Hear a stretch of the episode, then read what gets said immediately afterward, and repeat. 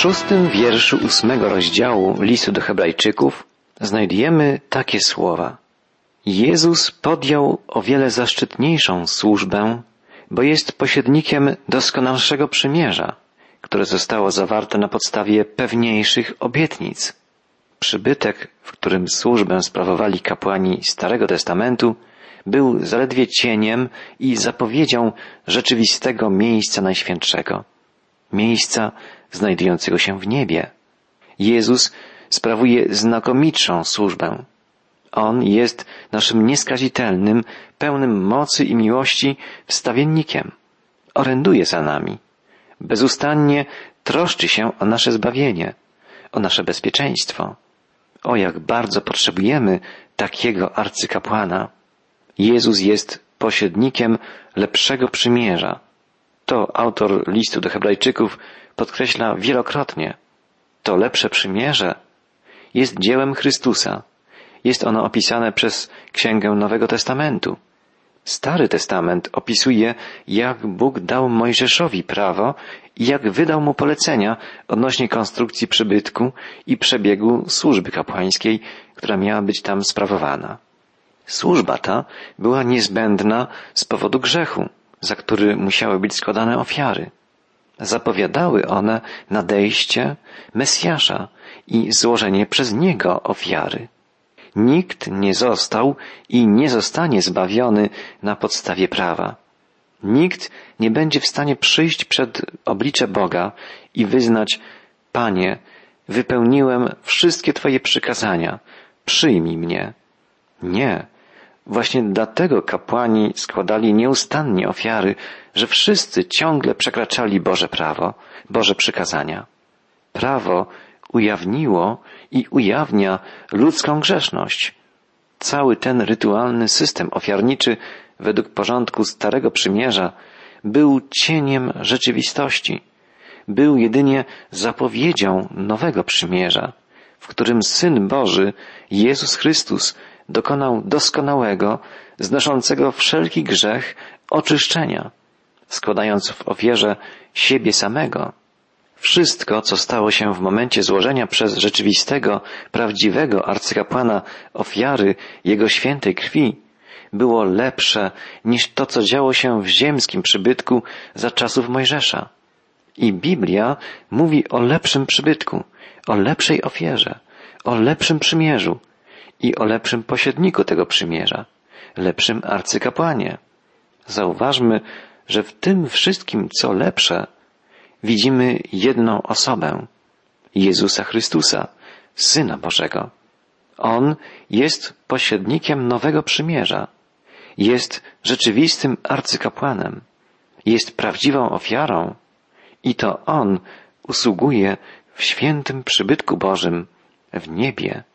Biblista i kaznodzieja radiowy Vernon McGee pisze w swej książce Przybytek Boży Portret Chrystusa iż Jezus w sensie dosłownym, literalnym, wniósł do rzeczywistego miejsca najświętszego, czyli do nieba, swoją krew, przelaną za grzechy wszystkich ludzi. Doktor Maggi pisze, że Chrystus, gdy ukazał się Marii po swoim zmartwychwstaniu, znajdował się w drodze do swego Ojca, by przedłożyć mu jako dowód odkupieńczego dzieła swoją krew.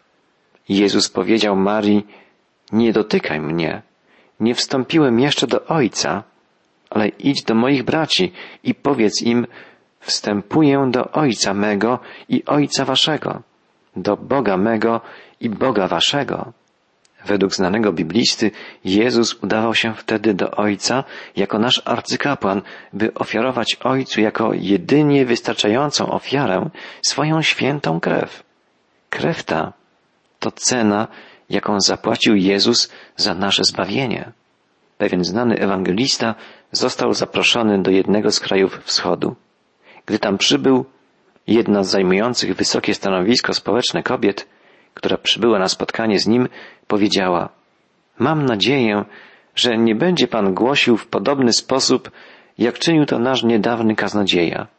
Zbyt dużo mówił o krwi. To razi moje poczucie estetyki. Mówienie o krwi jest odrażające. Czyż nie tak? Ewangelista odpowiedział, Proszę pani, widzę tylko jedną odrażającą rzecz, gdy myślę o krwi Jezusa Chrystusa. Mój grzech. Tak, Jezus przelał swoją krew, by obmyć nas z śmiercionośnego grzechu.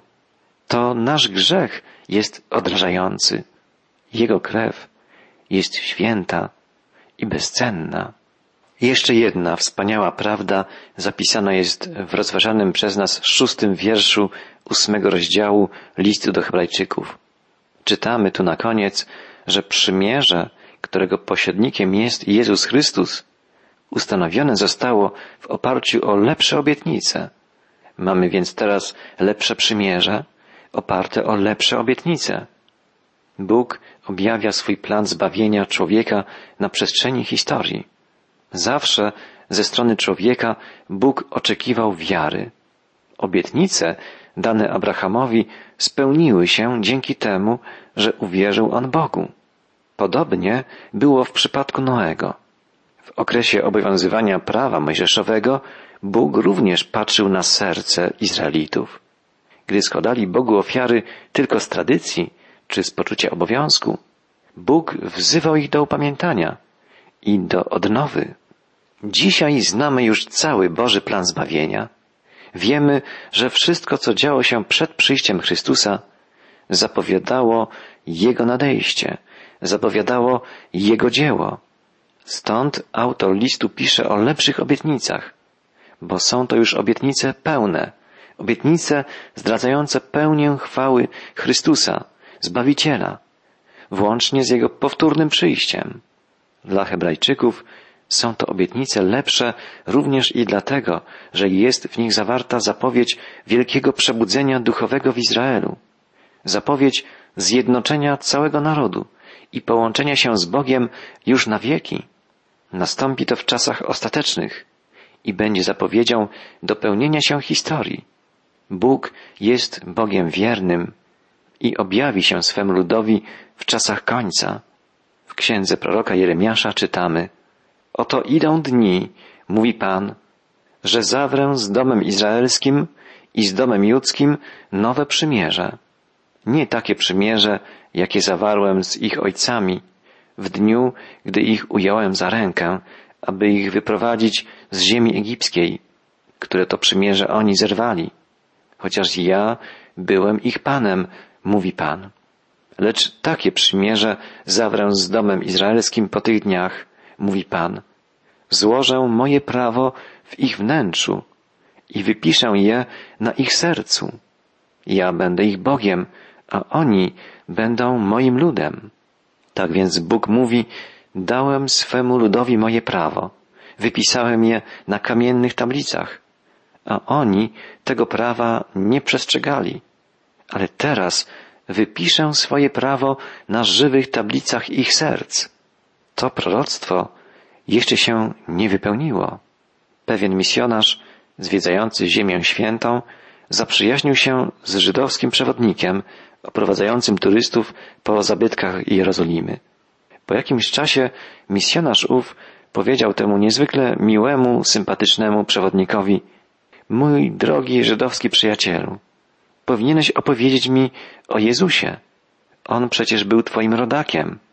Chodził po Jerozolimie i po całej Judei.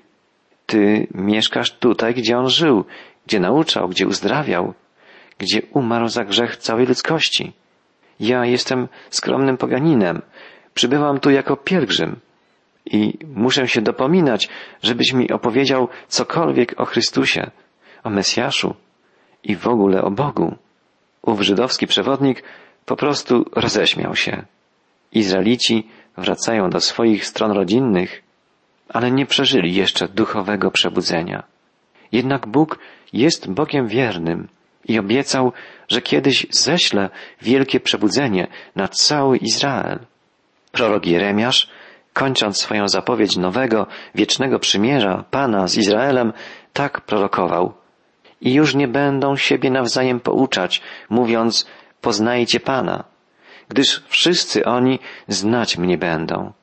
Od najmłodszego do najstarszego z nich, mówi Pan.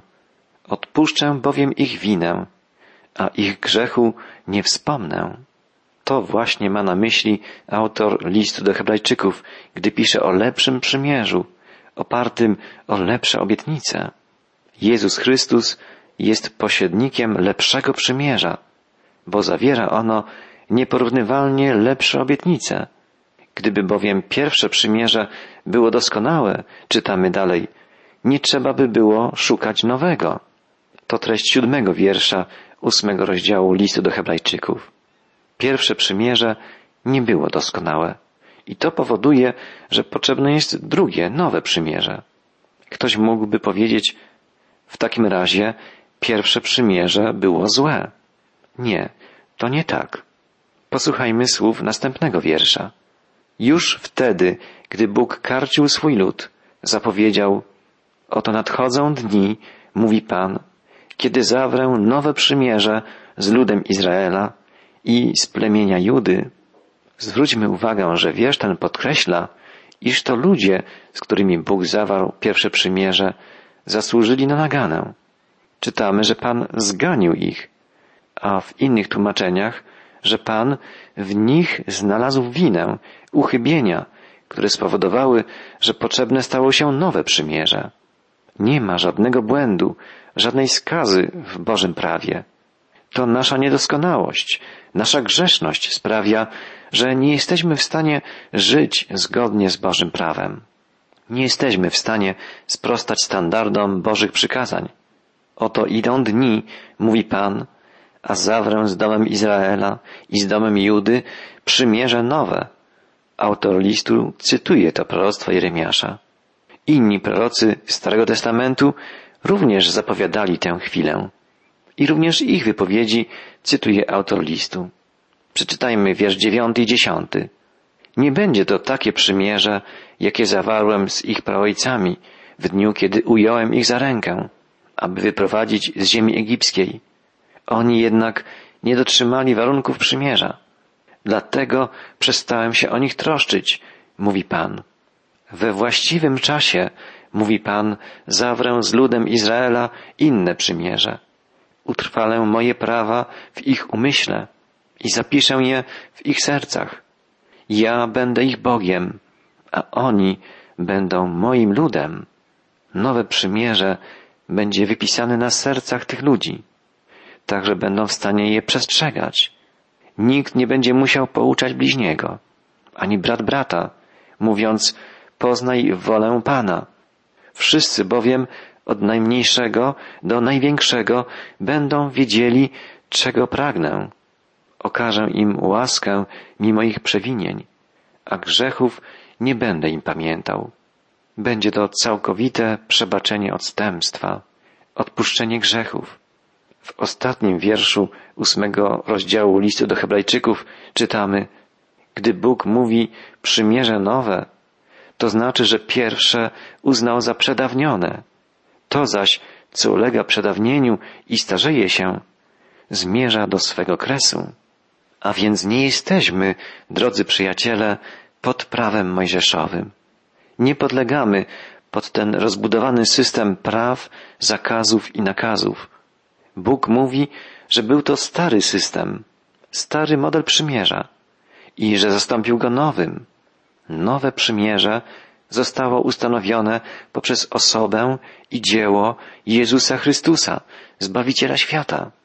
Bóg zastąpił stare przymierze nowym. Powtórzmy to jeszcze raz. Nie dlatego, że w Starym Przymierzu było cokolwiek złego, lecz dlatego, że to człowiek był i jest pełen zła. Nie był i nie jest zdolny do wypełnienia Bożego prawa. Dzisiaj są ludzie, którzy próbują żyć według prawa Starego Testamentu. Zachowują szabat, przestrzegają diety, usiłują wypełnić każdy przepis prawa mojżeszowego. Jest to nieporozumienie, dlatego że nikt nie jest w stanie żyć zgodnie z Bożym prawem o własnych siłach. Wszyscy potrzebujemy Bożej łaski, Bożego przebaczenia. Każdy z nas musi przyjść do Boga z prośbą o Jego zmiłowanie i musi przyjąć dar zbawienia, nowego przymierza, jako dar Zbawiciela, Jezusa Chrystusa. Prawo mojżeszowe nie było w stanie spowodować by człowiek zaczął czynić dobro.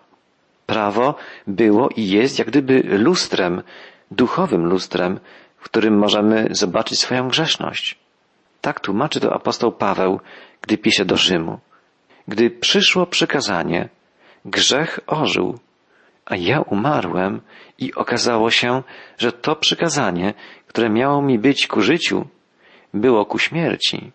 Tak, Boże przykazanie uświadomiło człowiekowi, jak bardzo jest grzeszny. Apostoł narodów tak pisze. Wiem, że nie mieszka we mnie, to jest w ciele moim dobro. Mam bowiem zawsze dobrą wolę, ale wykonania tego, co dobre, brak. Bowiem nie czynię dobrego, które chcę, tylko złe, którego nie chcę, to czynię. Drogi przyjacielu, czy doświadczyłeś prawdy tych słów? Czy przekonałeś się o tym, że nie jesteś w stanie o własnych siłach czynić dobra? Zastanów się nad tym, co mówi Biblia. Zastanów się nad tym, co sam odczuwasz, co sam przeżywasz. Czy przeżyłeś już takie chwile w swoim życiu, że chciałeś dobrze i obiecywałeś sobie, że następnym razem już nie postąpisz źle, a po jakimś czasie przyłapywałeś się na tym, że znowu popełniasz podobny błąd? To właśnie ma na myśli apostoł, gdy pisze, że czyni to, czego nie chce, mimo że wie, że jest to złe. Świadomość, że coś jest złe, nie oznacza jeszcze, że jesteśmy w stanie tego zła uniknąć. Boże przykazania uświadamiają nam zło, obecne w naszych myślach, w naszych słowach i czynach, ale tylko Duch Chrystusowy, Duch Święty może uzdolnić nas do czynienia dobra. Tylko Chrystus może poprowadzić nas do czynienia tego, co niemożliwe było dla człowieka cielesnego, podlegającego przekleństwu grzechu. Spróbujmy zilustrować tę głęboką, biblijną prawdę przykładem z codziennego domowego życia. Przypuśćmy, że zaraz po śniadaniu pani domu, która chce na obiad podać na stół kurczaka, włożyła go do piekarnika, żeby był już gotowy wcześniej, żeby po południu wystarczyło go przygrzać. W jakiś czas po włożeniu kurczaka do piekarnika dzwoni telefon. To sąsiadka, która rozpoczyna rozmowę od pytania, czy słyszałaś o tym, że... I okazuje się, że jest to jakaś bardzo ciekawa, nowa wiadomość. Obydwie kobiety sięgają więc po krzesło, żeby usiąść przy telefonie. Sąsiadka ma mnóstwo ciekawych spraw do przekazania. Mija półtorej godziny. Nagle pani domu przerywa rozmowę z okrzykiem Muszę kończyć. Czuję zapach kurczaka. I rzuca się w kierunku piekarnika. Bierze duży widelec, żeby podnieść mięso, ale jej się to nie udaje. Mięso piekło się i dusiło tak długo, że jest zupełnie miękkie. Gospodyni podejmuje jeszcze jedną próbę, wbijając widelec, który zazwyczaj używa, blisko kości, ale to nic nie daje. Kurczak jest tak miękki, że zupełnie się rozsypuje, a właściwie rozpływa. Pani domu bierze więc szeroką łopatkę, nabiera na nią mięso w całości i przenosi je do innego naczynia. To, czego nie można było dokonać widelcem, udało się osiągnąć za pomocą szerokiej łopatki. Czy widelec był zły, nieprawidłowy?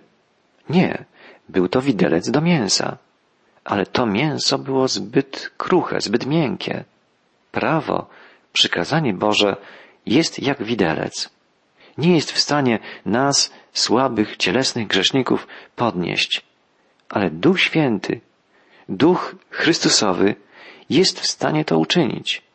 Apostoł Paweł pisze, czego prawo nie mogło dokonać, w czym było słabe z powodu ciała, z powodu ciała, tego dokonał Bóg przez zesłanie Syna swego w postaci grzesznego ciała, ofiarując je za grzech, potępił grzech w ciele, aby słuszne żądania prawa wykonały się na nas, którzy nie według ciała postępujemy, lecz według ducha.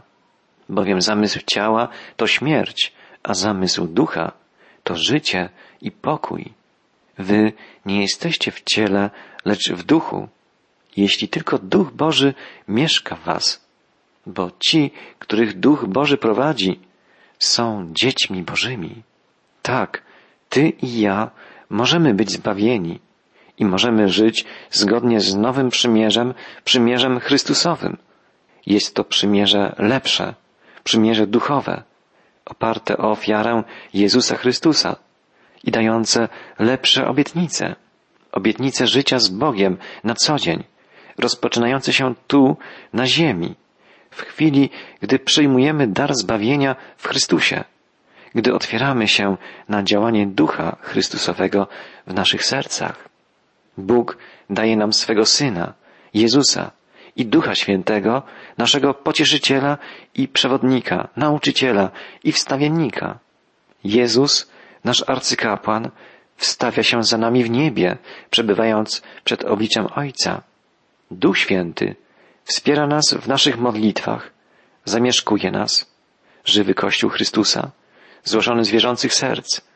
Duch Święty tłumaczy nam Boże Słowo i daje nam siły do życia zgodnego z Bożą wolą. Jakże cudownym Bogiem jest nasz trójjedyny Bóg, żywy Pan, Zbawiciel i Przyjaciel. Jakże cudowny fragment Biblii rozważamy wspólnie, drodzy słuchacze. Jesteśmy zachęceni do tego, żeby spożywać bogaty, pełnowartościowy pokarm, duchowe mięso. Ten pokarm to nauka o żywym Chrystusie i wezwanie do życia z Nim na co dzień.